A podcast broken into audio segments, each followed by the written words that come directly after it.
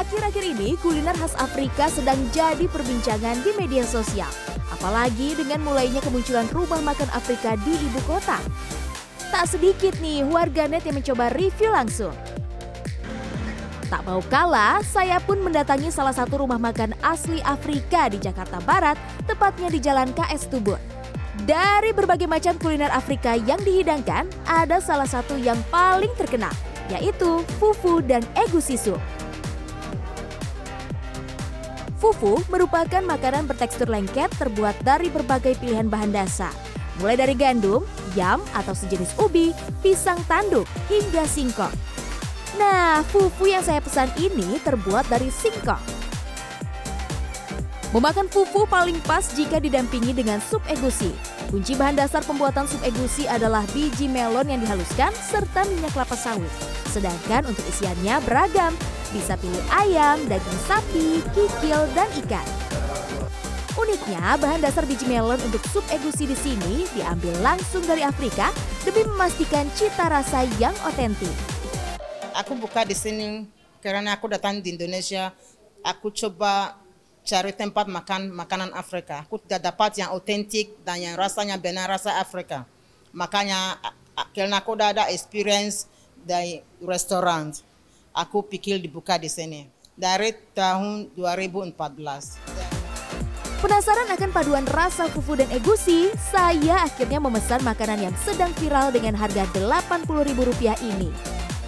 Jadi kita ambil sedikit fufunya, ya secukupnya aja, lalu kita bulat-bulatkan nih kayak gini. Nah setelah udah bulat, kita cocol dengan kuah egusi sup sampai meresap ya, jangan tanggung-tanggung. Nah, ini dia. Makannya itu nggak dikunyah, tapi langsung ditelan. Apakah saya bisa?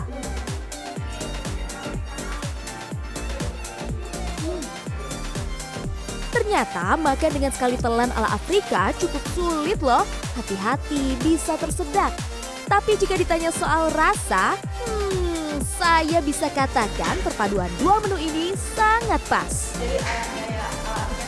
Rasanya nggak nggak beda dengan di Afrika, sama aja. Enak banget. Fufu dengan rasa yang hambar dicampur dengan sup egusi yang sangat gurih dan sedikit pedas, ternyata cocok bagi selera lidah Indonesia.